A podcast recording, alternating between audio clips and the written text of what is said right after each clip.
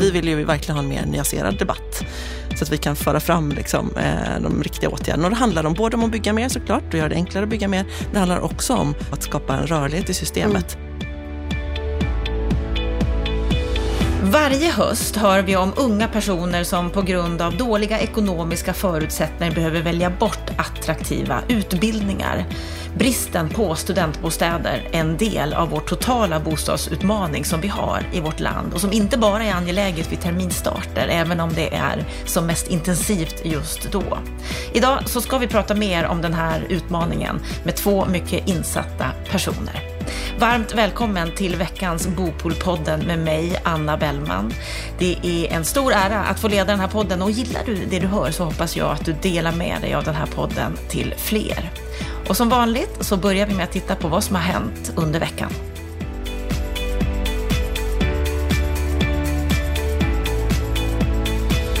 Det är dags för veckans Aktuellt med Linda Jonsson. Varmt välkommen tillbaka Linda. Hoppas allt är bra. Tack så mycket. Det är väldigt bra. Mm. Vad säger du, vad har hänt i branschen under veckan?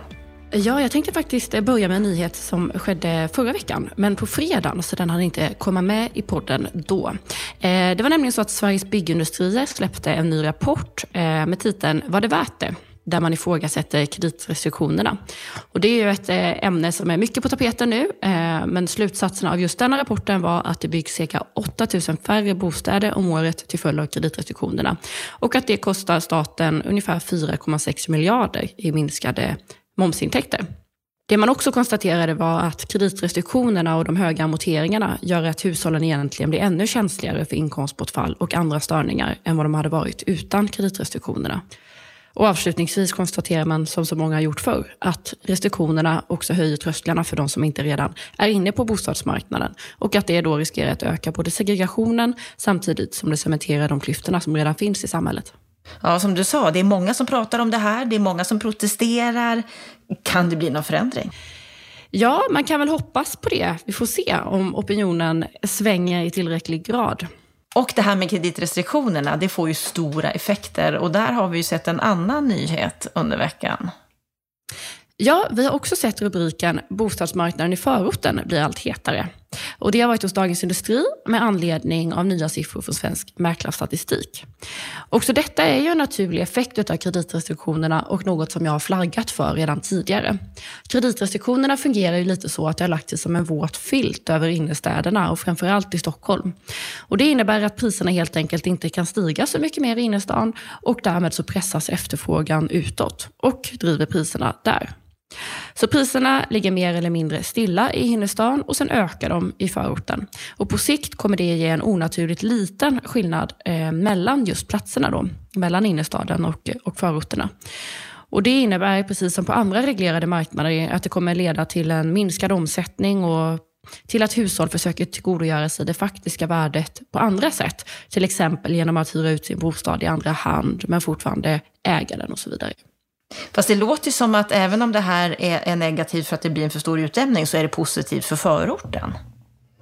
Ja, det är klart att det kan uppfattas som positivt för förorten att det blir mer attraktivt. Men samtidigt ska man då komma ihåg att det är på många sätt en konstgjord effekt då, med väldigt många negativa konsekvenser också. Mm. Vi har ju också sett i veckan att vår bostadsminister har varit ute och öppnat upp för vissa förändringar. Han var i Dagens Nyheter i måndags. Ja, precis. Han öppnar upp för stöd till eh, unga bostadsköpare. Han är alltså positiv till förmånliga statliga lån till unga bostadsköpare. Och, och, och, Det innebär ju att han på något sätt ändå är medveten om att kreditrestriktionerna har lett till ett problem som gör att det är svårare för unga att ta sig in på den ägda marknaden. Samtidigt så tycker jag personligen att det är olyckligt och att det vore betydligt mycket bättre om de unga fick möjlighet att låna genom vanliga banklån, genom till exempel en översyn av kreditrestriktionerna eller specifika lättnader mot unga. Vi riskerar annars att eh, följa den klassiska socialistiska modellen för att stärka statens makt över samhället. If it moves, tax it. If it continues to move, regulate it. And if it stops moving, subsidize it. Det jag menar är att man, lite, eh, man tar med ena handen och gör det svårare för unga att ta vanliga lån och så ska du då ge och subventionera med andra handen. Och det tycker jag är olyckligt. Men är det inte bra att han ändå öppnar upp för en viss förändring här? För det här är ju ett stort problem att unga inte har möjlighet att låna idag. Jo, det är såklart bra att han är medveten om att det faktiskt innebär problem. Men jag hoppas som sagt att han väljer vägen att istället se över kreditrestriktionerna och deras utformning. Mm, och det vill han inte befatta sig med riktigt? Nej, det har han inte uttalat sig om ännu. Mm. Han öppnar upp, men samtidigt så lovar han ingenting. Så vi får väl se vad det här leder till, om det leder till något. Avslutningsvis så kan vi konstatera att det har kommit en riktigt positiv nyhet för fastighetsbranschen den här veckan. Ja, det är faktiskt eh, så att Allbright har kommit med en ny undersökning som visar att 40 procent av de som jobbar i toppen är kvinnor numera i fastighetsbranschen. Och eh, fastighetsbranschen blir därmed faktiskt eh, Sveriges första jämställda börssektor. Och det är ju väldigt positivt. Ja, mm. väldigt, väldigt roligt. Bäst i klassen. Och så hoppas vi att alla andra följer efter. Absolut. Stort tack för veckans Aktuellt. Linda, om en stund ska du få komma tillbaka och kommentera det samtal som vi nu ska ha om studentbostäder. Tack.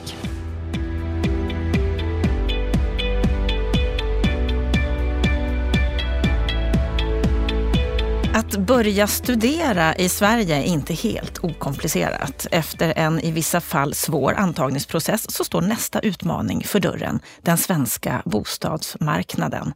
I tidningarna så har vi kunnat läsa att den akuta bostadsbristen skapar segregation, trångboddhet och att den grusar människors framtidsdrömmar. Tidigare här i Bopolpodden så har vi nämnt situationen om våra studenter och studentboenden. Det vill säga att det finns en brist på studentbostäder i början av terminerna men att det sen finns ett stort antal korridorsrum tomma efter bara ett par månader. Och idag så ska vi belysa det här ämnet lite djupare och verkligen gräva i hur är det egentligen? Med mig i studion så har jag två experter på området. Varmt välkomna till Bopolpodden, Stina Olén och Ingrid Gyllfors. Tack så mycket. Stina, du är VD för Studentbostadsföretagen och Ingrid VD för stiftelsen Stockholms studentbostäder. Om jag börjar med dig Stina, mm. vad är din sinnesstämning just nu? Och, eh, nyfiken är min sinnesstämning. Ja, jag ser fram emot det här och tycker att det är lite spännande att se vad du ska fråga oss om egentligen. Mm. Mm. Ingrid, vad är din sinnesstämning? Ja, men jag är glad och förväntansfull och lite så här framåtlutad, lite på, tänker jag att jag är. Och det är bra. Mm. För då kommer man ju framåt här i livet och förhoppningsvis kommer vi framåt när det gäller det här ämnet också. Men vi börjar bara för att lära känna er lite närmare. Stina, mm. Du är ju som jag sa här nyss VD för Studentbostadsföretagen sedan förra året. En branschorganisation för de som äger, bygger, förvaltar studentbostäder mm. i Sverige. Innan dess så kommer du från Västsvenska handelskammaren där du under flera år ansvarade både för den strategiska och operativa opinionsbildningen med fokus på kompetensförsörjning. Precis, det stämmer. Vad gör man då? Ja, men då eh, påverkar man politiker för att se till att vi får en bra kompetensförsörjning till näringslivet i Västsverige där jag jobbar. Då. Mm. Mm. Och när det gäller studentbostäder, behöver du skapa opinion även där? Ja precis, det var ju ett tydligt uppdrag i den här rollen att verkligen ansvara för att lyfta studentbostadsfrågorna på den politiska dagordningen och se till att vi får verkstad. Så att det inte bara pratas om bristen vid terminstarten utan att vi faktiskt får en skillnad på marknaden. Och vad är det viktigaste där, skulle du säga, i ert uppdrag? Det handlar om att samla branschen. Det är en jätteviktig del. Att vi, det är en liten del av hyresmarknaden, bara 6% som är studentbostäder. Och det är så otroligt viktigt att vi samlas och kan utbyta erfarenheter i branschen och utvecklas tillsammans. Det är en del. Och sen den andra delen skulle jag säga är att då lyfta frågorna på den politiska dagordningen. Och det handlar om att eh, göra det lättare att bygga och förvalta studentbostäder helt enkelt, så vi får bättre förutsättningar. Mm. Tycker du att du har politikernas öra här? Ja, men det har jag och, och kanske att det varierar lite över året. Det är lite mer intressant med studentbostäder på, kring terminstarten på hösten. Men absolut, men det finns mycket mer att göra. Mm, att, och det här är väl en utmaning, för nu har vi kommit in en bit på terminen. Nu är det lite svalare intresse. Det är det, men vi får se det som ett långsiktigt jobb ändå. Och, ja, relationerna det fortsätter. Ja, det kanske inte syns lika mycket i media, men vi, vi pratar vidare. Mm. Mm. Och vi pratar om det här för vi tycker att det är angeläget mm. även i mitten av terminen. Ingrid, du har en bred yrkeserfarenhet. Tidigare var du bland annat stadsbyggnadschef inom Solna stad, mm. fastighetschef på fastighetskontoret i Stockholms stad. Mm. Och du har varit på Stiftelsen Stockholms studentbostäder i fem år ungefär. Aha, Menar att ni då som största aktör på området har ett mycket angeläget uppdrag, läste jag någonstans? Ja, jag tycker att jag har ett jätteviktigt uppdrag. Ja, på vilket ja. sätt då? Ja, men alltså det du säger att man ska kunna komma till en stad som man vill och liksom plugga den utbildningen man vill för att förverkliga sina och våra framtidsdrömmar. Låter lite pretentiöst, men det är liksom så det är, tänker jag. Eh, och jag jobbar med det. Jag möjliggör det. Och hur gör Eh, ni det praktiskt? Ja, vi förvaltar eh, och bygger förstås också nytt.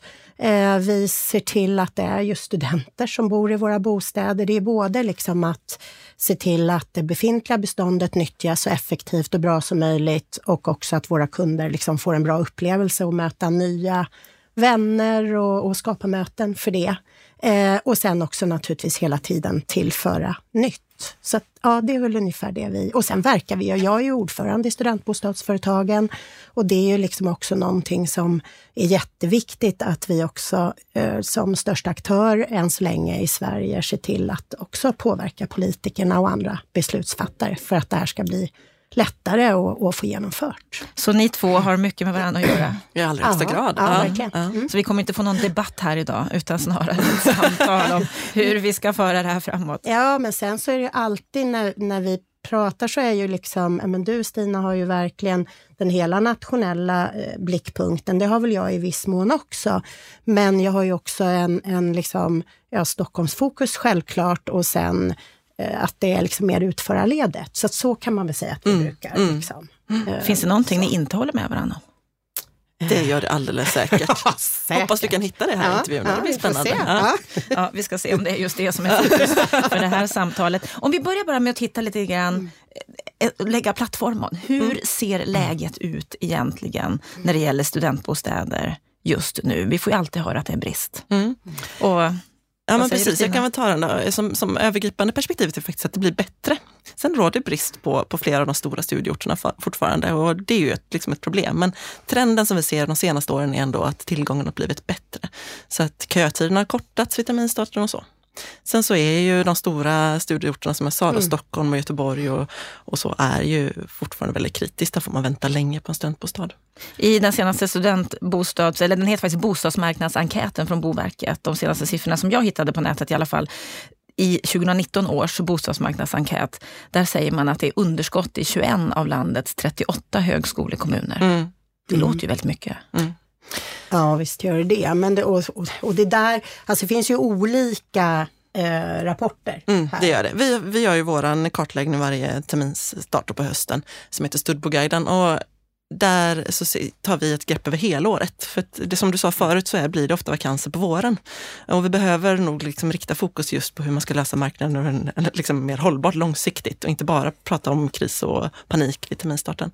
Eh, och absolut, det är brist på ett par orter men inte 21 orter i det över helårsperspektivet. Nej, men då är det liksom vid, balans. vid terminstart som man ser det, då det är som mest kritiskt. Då man kanske har kommit in på sin drömutbildning och inte får ett boende. Precis. Sen ska man ju vara extremt medveten om att Alltså om man tittar på, på storstäder och liksom de, de universitetsorterna, men kanske framförallt just storstäderna, så, så är det ju liksom en eh, liksom kommunicerande kärl med eh, bostadsmarknaden i stort förstås.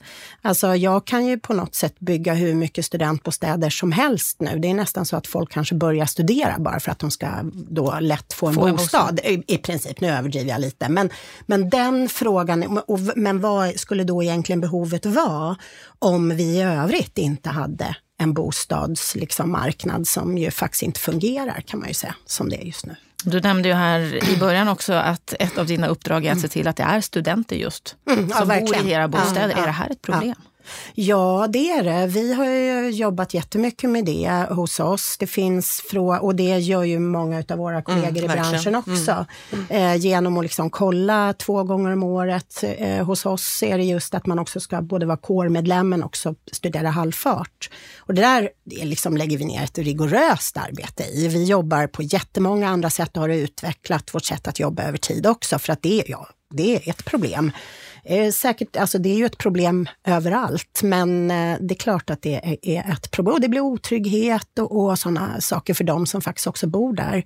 Eh, inte bara de som inte får en bostad då, som borde få det, eh, men också för de som bor hos oss, som, eh, som blir en mer otrygg miljö. Nu har vi väldigt höga trygghetstal hos oss och de flesta känner sig trygga ändå, vilket ju är jättekul.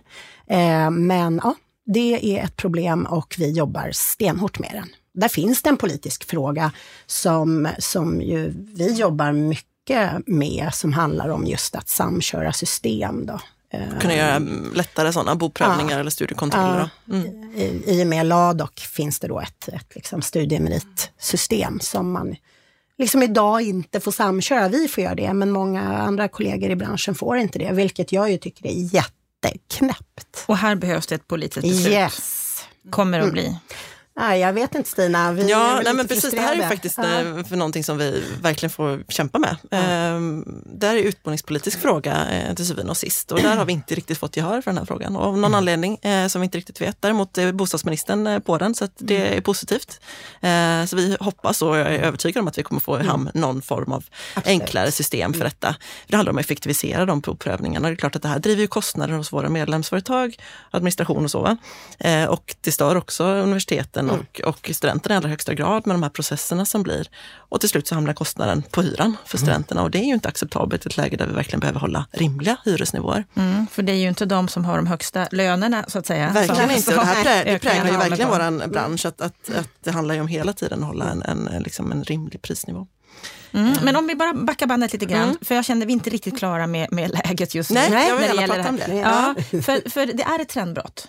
Det är det. På ja, marknaden. Ja. Det, det, det, det, finns mer tillgång till studentbostäder. Ja. Kan man till och med säga att, att, att det går ganska lätt idag att skaffa sig en studentbostad? Nej, det kan man inte säga. Vilja...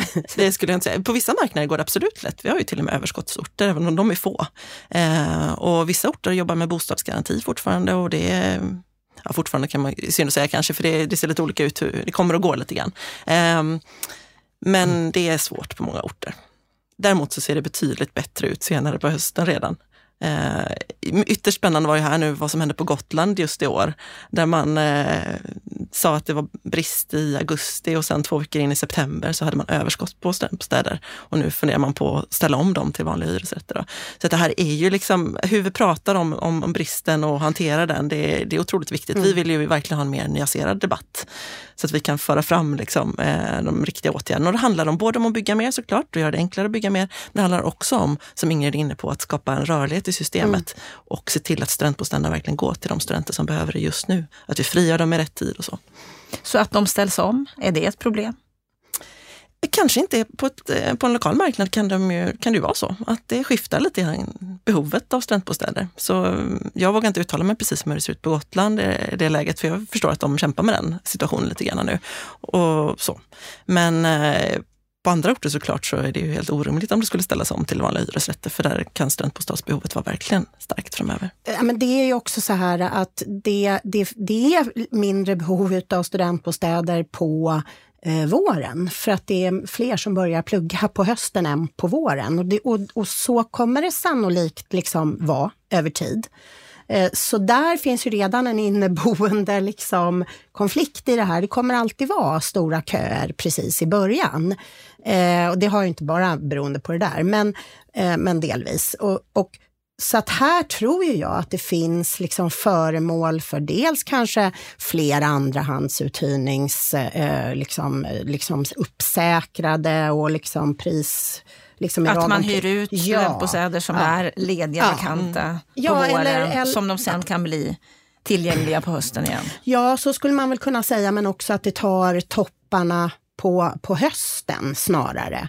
Att man eh, frigör vanliga Trygga och tillfälliga bostäder. På, på, yes. Och så. kanske en helt ny marknad som vi ser ute i Europa, att den även kommer till Sverige, att det finns någon mer liksom, korttidsboendelösning som är något mellanting mellan hotell och studentbostäder. Vad vet jag?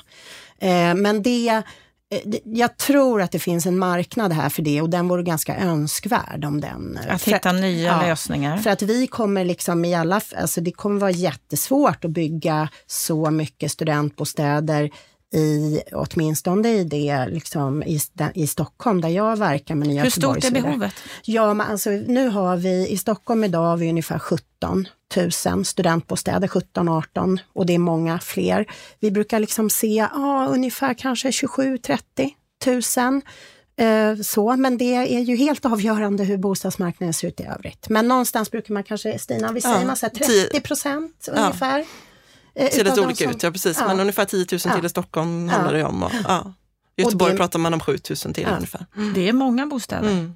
Ja, men det är många som är på gång också. Det byggs eh, liksom ganska mycket och har byggts eh, en hel del. Och det är liksom om, om vi får, om allt som ändå har planerats och planeras för liksom över tid. Vi bygger ju 2000 utav dem.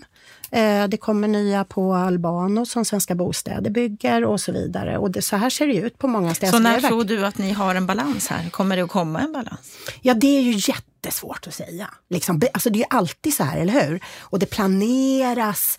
Det är alltid liksom, åh, alla de här grejerna planeras, det är på gång. Och sen så händer det någonting i marknaden och, och, och så, liksom, så byggs det inte riktigt lika fort. Det kan vi ju prata om mm. mycket. Det Men det som, är, ja. det som är kul ändå att se är ju att, att mm. de senaste årens nyproduktion har gett effekt. Det är liksom ja. där vi, när vi frågar vad som har hänt på marknaden, så är det liksom nyproduktionen till skottet av nya bostäder ja. som har gjort att vi, läget ser bättre ut.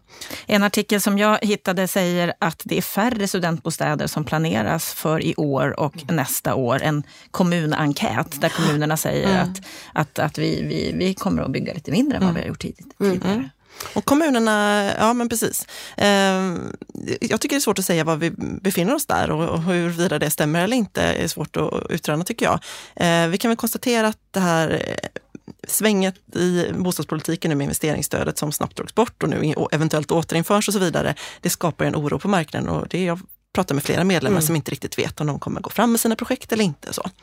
Man vet liksom inte riktigt på vilka grunder man räknar. Det är för osäkert. Ja, det är för osäkert och det slår ju hårt såklart. Så att, eh, eh det blir spännande att se hur det, hur det slår ut så som kommunerna spår. Men det, alltså det där är en intressant fråga också generellt för att det är så himla svajigt jämt hur vi, vi bygger. Liksom. Det gäller ju absolut inte bara studentbostäder utan det gäller ju bostäder generellt och säkert annat byggande också. Men eh, alltså när vi får attention på frågan, det är liksom studenterna tältar utanför universitetet i augusti och så får vi attention på frågan, det har inte byggts något på hur länge som helst och så börjar vi bygga. Va? då är det liksom ett maskineri som ska skapas igång och sen så, åh, nu är det bättre och nu går liksom köerna ner lite grann. Eh, och så, så liksom släpps attention även från kommuner, från andra, från kanske oss, delvis oss också som bygger. Alltså det är ju en utmaning att bryta det och försöka bygga i en mycket mer jämn takt över tid. För det här kostar ju pengar dessutom. Alltså det blir ju ineffektivt. Mm. Eh, och eh, ja, det är ju en utmaning. Eh, det, det, det liksom kostar ju pengar att bygga upp en kompetens också. Både hos oss som beställare men inte minst hos byggarna. Mm. Sen är det väl lite spännande tycker jag som pågår på vår marknad nu att det, det, är en breddning. Så vi har ju flera typer av aktörer på, på studentbostadsmarknaden idag än vad vi bara hade för tio Absolut. år sedan. så att säga. Eh, och det är ju väldigt kul och det, det händer ju, ger ju lite nytt liv också på marknaden och lite annan mm. dynamik. Mm. Vad vi så ser. det har blivit mer attraktivt att ta sig in på marknaden? Ja, men flera grupper. Vi har ju betydligt fler privata aktörer nu till exempel som, som är engagerade på studentbostadsmarknaden. Mm. Jättekul. Både som utvecklare av koncept men också som faktiskt förvaltare och så. Då. Um, så lärosätena tar också en mer aktiv roll i studentbostadsfrågor, som en aktör så att säga och hittar då blockhyresavtal och, och så och engagerar sig från sitt håll. Um, så det blir en annan dynamik på marknaden och se vad det också ger framöver. Enligt den här kommunenkäten som jag refererade till mm. så sägs det att de större, större delen av ja. de studentbostäder som kommer till det är genom nyproduktion. Mm. Bara ett fåtal är att man ombildar. Ja, just det. Ja, men det, så är det ju. Ja. Och då kommer vi till den där frågan. Mm. Hur ska vi kunna bygga billiga studentbostäder som våra studenter har råd, har råd mm. att hyra mm. när vi har markpriser som ser ut som de gör? Mm. Och då är väl, ja men det är flera delar i det såklart, men jag skulle säga att på orter där man främjar studentbostäder genom eh, en annan prissättning på mark eller hur man nu hanterar en annan halverad tomträttsavgäld mm, eller så sådär. Har vi ju Stockholms stad. Eh, det ger ju effekt såklart. Det har ju, har ju med en Ja, påverkan på kalkylerna, absolut. Eh, det är viktigt. Eh, sen en annan del är ju byggregelverket. Vi tror ju att vi behöver definiera vad en studentbostad är, alltså så vi kan ha ett mer anpassat regelverk kring studentbostäderna. För att kunna bygga mer yteffektiva och ändamålsenliga bostäder för studenterna. Man behöver inte allt, vissa delar som vi alltid säkrar upp i andra typer av bostäder. Så samma förutsättningar som för övriga bostäder, för Mm. övriga bostadsbyggandet, det är inte rimligt. Nej, inte bara. Sen kommer vi alltid ha en del av beståndet som absolut blir precis som annat, som, som är mer, eh, kan ställas om till andra bostäder och så vidare framöver. Men Där ska man ju vara behöver- medveten om att mer flexibla regler gör ju att man som företag, alltså alla vi som verkar på marknaden har ju liksom olika ingångspuckar i det här. Jag får bara ha studentbostäder, så det gör och liksom är non-profit i den mån, om man nu kan prata om det, men allt det reinvesteras. Ja, jag tar ju ett beslut naturligtvis utifrån det och, och vill kanske ha mycket mer flexiblare regler då, för det kommer bara vara studenter som bor där och det kommer bara vara ett genomgångsboende. Men om du har andra eh, liksom hyresrätter också och så i ditt bestånd, ja men då kanske du gör ett annat beslut. Alltså utifrån att då kanske du vill att det ska kunna ställas om enklare om det och, och då kommer Så du bygga olika på ett annat sätt. förutsättningar för olika aktörer. Yes, och då behöver du ju ha, ja du tar ju Ja. olika, men nej det vill jag inte. Jag vill att det ska vara mer flexibelt så att du kan välja hur du vill utifrån ditt företags förutsättningar förstås. Jag tror att det kommer ge mycket mer och det ger lite mer mångfald också för att det ska man ju vara medveten om. Studenter är ju liksom precis som alla andra väldigt olika vad man väljer och då måste det ju finnas olika typer av bostäder att välja också. Sen driver det ju kostnader alla dessa tillägg liksom och alla överklaganden och allt så, som blir liksom Och det tråkiga är ju att ibland så känns det som att vi bygger sämre produkter Ja. för studenten eh, till ett Verkligen. högre pris än vad vi skulle kunna göra Ja. helt enkelt. Så ni vill bygga billigt till en bra kvalitet, men det blir tvärtom. Mm, ja, det skulle jag säga. Så hamnar det ju ofta. Ehm, en sån aspekt är att vi skulle vilja bygga mer gemensamhetsytor till exempel. Det är Ja. jättesvårt att få ekonomi i idag. Men vi, samtidigt så ser vi att den psykiska ohälsan bland studenter är, är stor och vi Forskning, det, det som vi kan ta på i det här handlar om att bygga liksom förutsättningar för synlighet och gemenskap och inkludering i, i bostadsområdet. Och det är jättesvårt att hitta, få hem det i kalkylerna idag. Och då behöver, många- jag fråga, Mm. då behöver jag fråga om ett nyhetsinslag i SVT i fjol där Ja. de rapporterade om studentbostadsföretagens generösa marginaler. Snittet för 2016 låg på 18 procent samtidigt som hyrorna upplevdes höga av många studenter. Och du uttalade dig om den här rapporteringen Stina och var kritisk till den. Ja, det var i allra högsta grad. Eh, vi försökte diskutera med SVT vad man fick loss för data och hur man hade räknat. Mm. Eh, det blev väldigt uppen... Alltså det, här, det är ingen bild som jag känner igen överhuvudtaget, eh, att det ser så ut generellt. Nej, du fick kaffet i halsen. Ja, nej, men jag var ju den som eh, var intervjuad på den eh, och På jag fel var inte premisser. helt Ja. Mm. nöjd kan jag säga över liksom den vinklingen. Man jämförde olika typer utav redovisningssystem Eh, och så vidare. Så att det, det, vi har ju haft den uppe i, eh, i granskningsnämnden. Sen så vann vi inte det, men vi fick ändå, de fick liksom en kommentar om att det inte var helt korrekt. Då.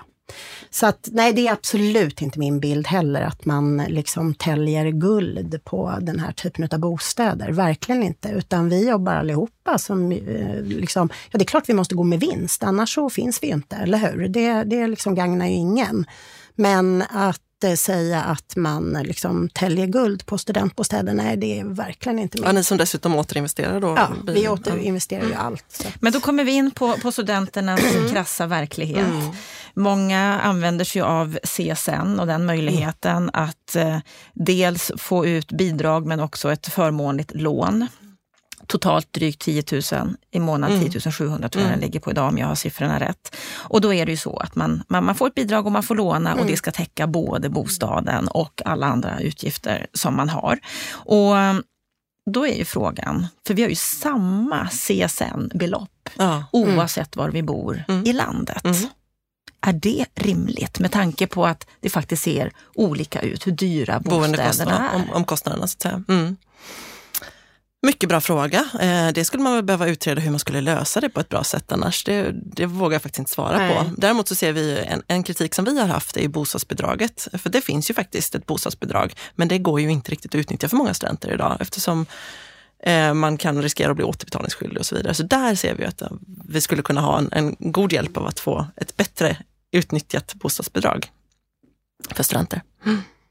Och utifrån min horisont, ja, det är klart att man skulle kunna tycka att det är mer rimligt att man har en högre CSN i liksom, storstadsregioner. Men ja, jag vet inte, det kanske finns viktigare delar. Ja, för du pratade om flexibilitet ja. förut. Det kanske är så att vi behöver hitta en flexibilitet ja. även här. Ja, och det, det, en annan sak som man naturligtvis kan fundera över, det är ju liksom, jaha, CSNets eh, liksom, eh, bas, det, den räknas ju upp någon gång då och då. Liksom. Det är inte så att det finns någon index i liksom, uppräkningen utav CSN. eh, som det ju gör någonstans eh, liksom i många andra eller många andras löne... Liksom, eh, bild blir ju ändå en förhandling varje år. CSN det kommer lite när någon känner för det. Liksom. Eh, förra året fick man ju en, en ökning då. Eh, så det var väl bra, men, men i år är det ju ingen ökning. Och då kan man ju fråga sig, har vi rätt system? När vi tittar på marksubventioner, bostadsbidrag, mm. studiebidrag. Mm. Är det här en optimal lösning för att klara av den här situationen vi har? Nej, vi har ju ingen optimal lösning. Det, det, så är det ju absolut eftersom det inte fungerar riktigt idag och många har svårt att få ihop sina kalkyler. Sen så ska man väl säga att men, våra medlemmar de kämpar ju med att hålla rimliga hyresnivåer för det kommer aldrig vara en höginkomstgrupp oavsett mm. hur vi gör så att säga. Um, så där lägger vi vårt fokus, att vi, hur ska vi få bättre förutsättningar för att bygga bra produkter till rimliga nivåer. Mm. Det, det är där vi har lagt vårt fokus från föreningens sida. Och det tror jag är viktigt att hålla i ändå. Ja, så att säga. Och det handlar ju om, om att bygga, kunna bygga de här bostäderna på ett bättre sätt. Eh, det handlar ju också om att bygga dem på, fler, på bättre ställen så att säga, att vi kan utnyttja andra rum, kanske till studentbostäder i staden som vi inte kan göra med andra bostäder reguljärt bestånd. Mm. Vad tänker du på konkret då? Vi skulle kunna utnyttja i andra lägen helt enkelt, där kanske dagsljus och bullernivåer ser lite annorlunda ut än vad de kan göra om det inte är en genomgångsbostad. För det är ju det som är grunden i detta, att du bor där en begränsad tid. Max sex år är ju det vanliga, så att säga, om inte du doktorerar eller så. Och då kan man klara av lite högre buller exempelvis? Till exempel. Under den tiden. Absolut. Kan vi tänka oss även andra lösningar? Vi är ju ganska så inriktade i Sverige på att vi ska ha vår egen bostad. Mm. Kollektivboende. Mm. Ja, ja, ja. Och där ser vi ett hinder att vi, ja, vi bygger inte så mycket som... Eh, nej, alltså vi har ju ett, eh, just på Stockholms studentbostäder har ju vi halva vårat, alltså 4 000 korridorslägenheter eller rum har vi och sen har vi 4 000 lägenheter lite styvt. Eh, så att där, vi tittar ju på hur vi kan liksom omvandla och så. Men framförallt så, det, det finns ju grejer här där man behöver liksom verkligen trycka på gemensamhetsytor. Det var ju du inne på, mm. alltså du kan ju inte ta ut hyra för, för gemensamma ytor. Ja, är det rimligt? Liksom? Eh, det kan man ju verkligen fundera över, för det skulle ju liksom driva på en mer effektiv eh, nyttjande av vissa delar. Va? Alltså gemensamma kök om det nu, eh, eller, eller framförallt kanske andra typer av samvarorum som gör att du då istället kan acceptera en något mindre yta i ditt, ditt rum. Sen är det ju många som vill ändå ha egna kokmöjligheter och, och ett eget badrum nummer ett förstås. Liksom. Eh, men en större flexibilitet och möjlighet även där kommer ju göra att du får flera typer utav bostäder. Och det är, väl, det är väl precis det vi vill ha. Liksom. Hur mycket tittar ni på det här? Ja, är det prioriterat för er att, ja, att se nya möjligheter? Ja, det gör ju vi jättemycket och många, många andra i branschen också. Sen är det ju, alltså vi tittar ju, vi har ju, vi har ju halva beståndet i eh, gemensamma, alltså i, i liksom korridorer som byggdes på 70-talet och de är ju inte optimala. Det är inte så man skulle vilja ha det idag. Så om, om du man, tittar en 10, 15, ja. 20 år fram i mm. tiden, hur kommer det se ut då? Hur kommer vi vilja bo medan vi studerar?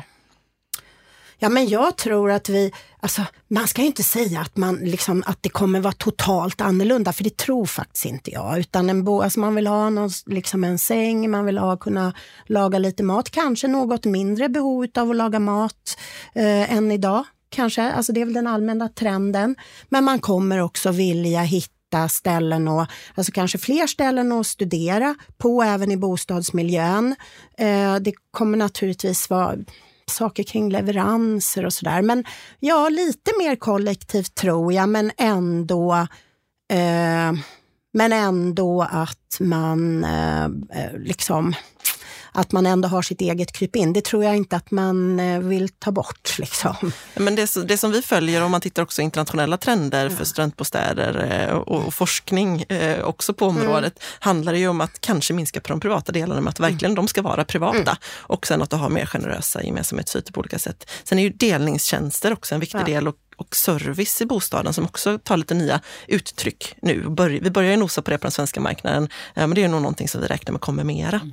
Också för att mm, utbildningsmarknaden är också lite mer global. Alltså vi har ett, ett flöde av internationella studenter och forskare också som kommer med andra förväntningar på bostaden var den in, med ett, ett större tjänsteutbud i bost, kopplat till bostaden ja. mer generellt på den europeiska marknaden inte minst.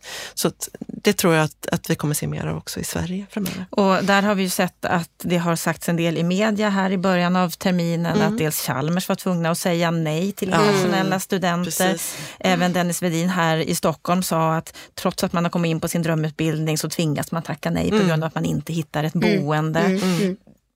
Det här är ingen rolig Nej. situation. Och också i en kontext av, av, att dagens unga, för dem är det viktigare med bostad än vad det var bara för ja, min egen generation, 80-talister.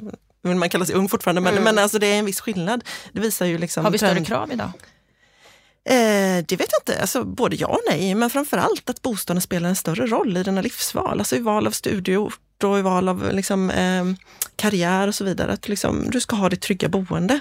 Eh, det är en viktigare aspekt och det är klart att det påverkar i större grad också vad du, om du vågar chansa och flytta till Stockholm på vinst och mm. förlust för att jag vill mm. gå min utbildning eller nej, jag tar den nog någon annanstans.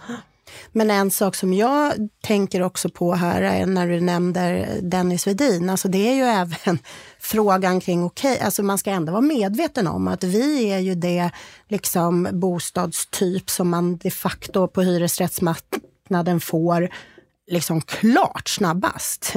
Alltså vi har ju en kötid på på 13 månader på korridorsrum över tid och ibland är det ju lägre. Liksom. Eh, och det är ändå väldigt lång tid om man kommer in på en utbildning? Absolut, det är självklart att det är det. Det är klart att man vill kunna ge den där bostaden nästan direkt. Va? Eh, men jag menar, det är inte tio år som det är på den vanliga bostadsmarknaden. Så man ska ju ändå liksom se att vi är ju ändå lite halvduktiga tycker jag. Så om vi ska sammanfatta ja. det här, vad är viktigt då för kommuner, lärosäten, för er som bolag som jobbar med det här, för politiken, för att vi ska få en bra balans när det gäller våra studentbostäder framåt? Men dels tycker jag att det är att klara att hålla fokus på den här frågan hela tiden. Alltså inte bara göra de här, åh nu ska vi bygga 10 000 nya studentbostäder, tjoff. Utan hålla det över tid. Alltså att vi bygger tusen varje år, om jag nu pratar om Stockholm då just, va? men eh, en annan siffra. så. Att, att klara den. Och sen också att fokusera på att ta lite enkla bollar. Det här med LADOK tycker jag är en enkel boll, även om det då går in med samköra register och saker. Men jag menar, man måste liksom bestämma sig lite grann. Så, det tycker jag är en viktig fråga. Sen är det jätteviktiga frågor kring mark, kring den enorma tiden det tar. För mig tar det ungefär 8-9 år att få igenom en detaljplan. Det är ju inte rimligt, tänker jag. Då är, det skapar ju inte att nya investerare vill komma till eh, liksom, Sverige och hoppa in och börja satsa på studentbostäder när man ser att det tar så lång tid. Stina, mm. vad är viktigt på nationell nivå? Ja, men jag skulle vilja ta alla delarna faktiskt om jag, om jag får. Mm. Eh, för, för, när jag frågar eh, våra företag vad som är största hindret för byggande, ja men då är det marktilldelningen i kommunerna och handläggningstider och så vidare som tar, det tar tid och det är svårt att få loss mark. Det är den ena grejen. Den andra grejen är samarbetet lokalt på orten. Lärosätena måste ta en mycket mer aktiv roll i liksom, studentbostadsfrågan. Vi ser att man lyckas och, och få mer balans om man samarbetar. Högskolan i Dalarna och samverkan där kring är ett lysande exempel på när man vänder en marknad, verkligen en kris till balans. Ehm, och sen på nationell nivå, det handlar om att skapa ett eget regelverk för studentbostäderna. Det behövs om vi ska kunna bygga mer effektivt och också förvalta bättre. För vi har en omflyttningsfrekvens som är 50 procent i studentbostäderna. Vi måste ha en, en viss takt och det ställer andra krav på både utformning och förvaltning. Så att ett stöd för det hade varit otroligt bra. Och det ger möjlighet att testa grejer på oss också. Som man eh, liksom, mm. det kan vara en liten testballong. Partiella kontrakt till exempel ja. för att kunna dela bostäder. Det är vi gärna i vår bransch. Mm. Så utmaningarna är stora när det ja. gäller våra mm. studentbostäder, mm. men möjligheterna ännu fler. Ja, om politiken ser till att fatta rätt beslut inom vissa områden. Mm. Om vi möjliggör för studenter att få tillgång till sina bostäder lite snabbare mm. så att de kan mm. komma in på den utbildning de vill komma Precis. in på och inte behöver säga nej. Och vi i branschen tar vårt eget, eh, vår egen hemläxa förstås. Det måste man ju alltid göra. Nej, men sätt fokus på studentbostäderna så att det blir, det, det stärker verkligen högre utbildning. Så det är en egen del av marknaden och man måste hantera den så. Mm. Stort tack mm. Stina Åhlén och Ingrid Gyllfors för att ni kom till Bokbolpodden. Tack. tack! Det var jättekul.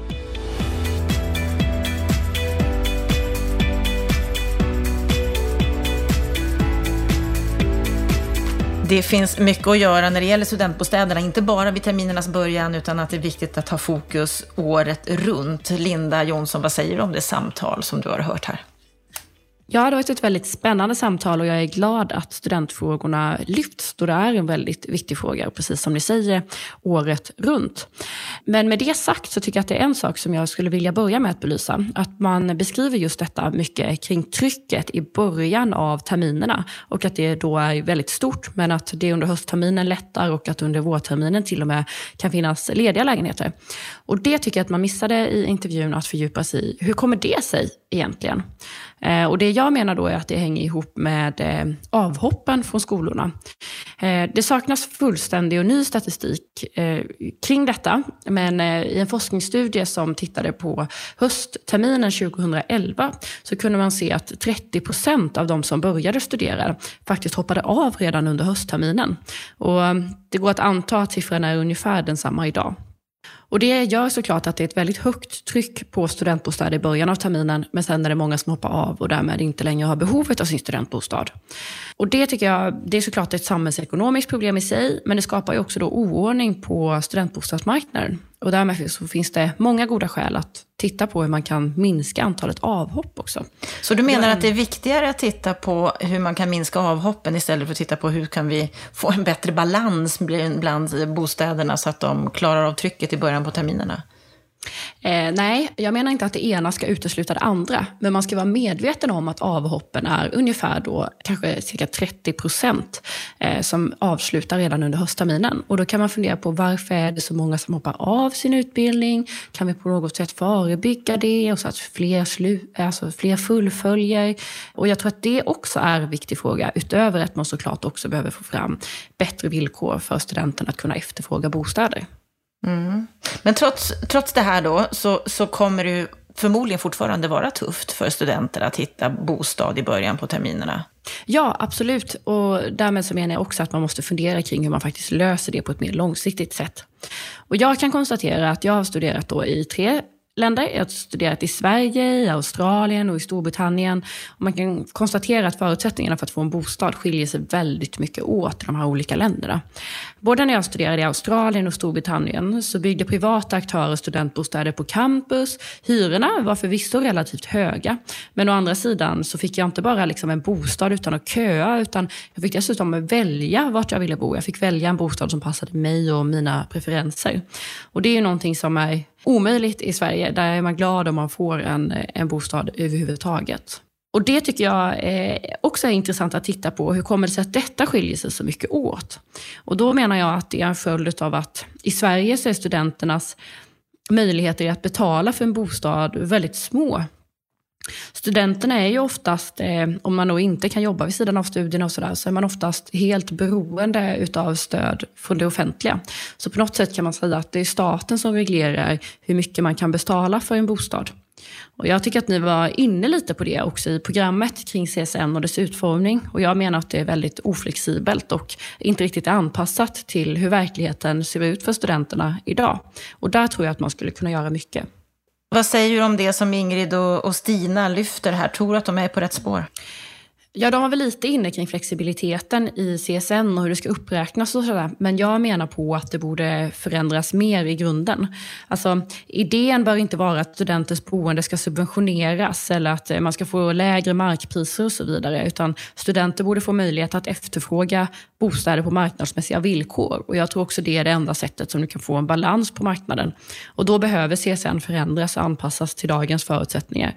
Och att man helt enkelt kan låna mer om man vill det och man lever upp till de kraven som finns på att man faktiskt ska studera och så vidare. Och där är det också viktigt med att poängtera att, att det behöver inte innehålla en subvention. Idag så är ju räntorna väldigt låga på CSN-lån. Men jag menar att man skulle kunna ha marknadsmässig ränta då, ifall det är så att man vill låna ännu mer för att kunna efterfråga en bostad på, på mer marknadsmässiga villkor helt enkelt. Mm.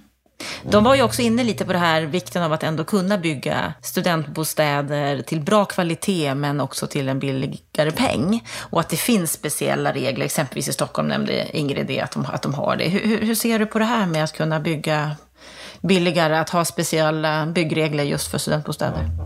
Jag ställer mig väldigt positiv till det. Eh, jag är positiv generellt till liberalare byggregler eh, i allmänhet.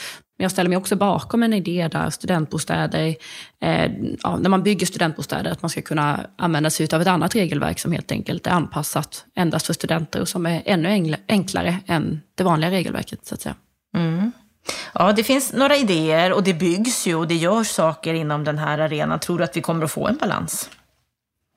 Jag tror som sagt att man måste förändra CSN för att det ska vara möjligt. Alltså idag utgår man från att okej, okay, studenten har så, mycket, så här mycket pengar varje månad. Vad, vad kan studenten efterfråga då? Och så ska man bygga efter det. Men tyvärr håller inte den kalkylen. Det är inte möjligt att göra det. På flera orter i Sverige så är helt enkelt eh, marken för dyr och jag menar att utvägen inte är att då subventionera marken utan att studenterna måste kunna betala vad det faktiskt kostar.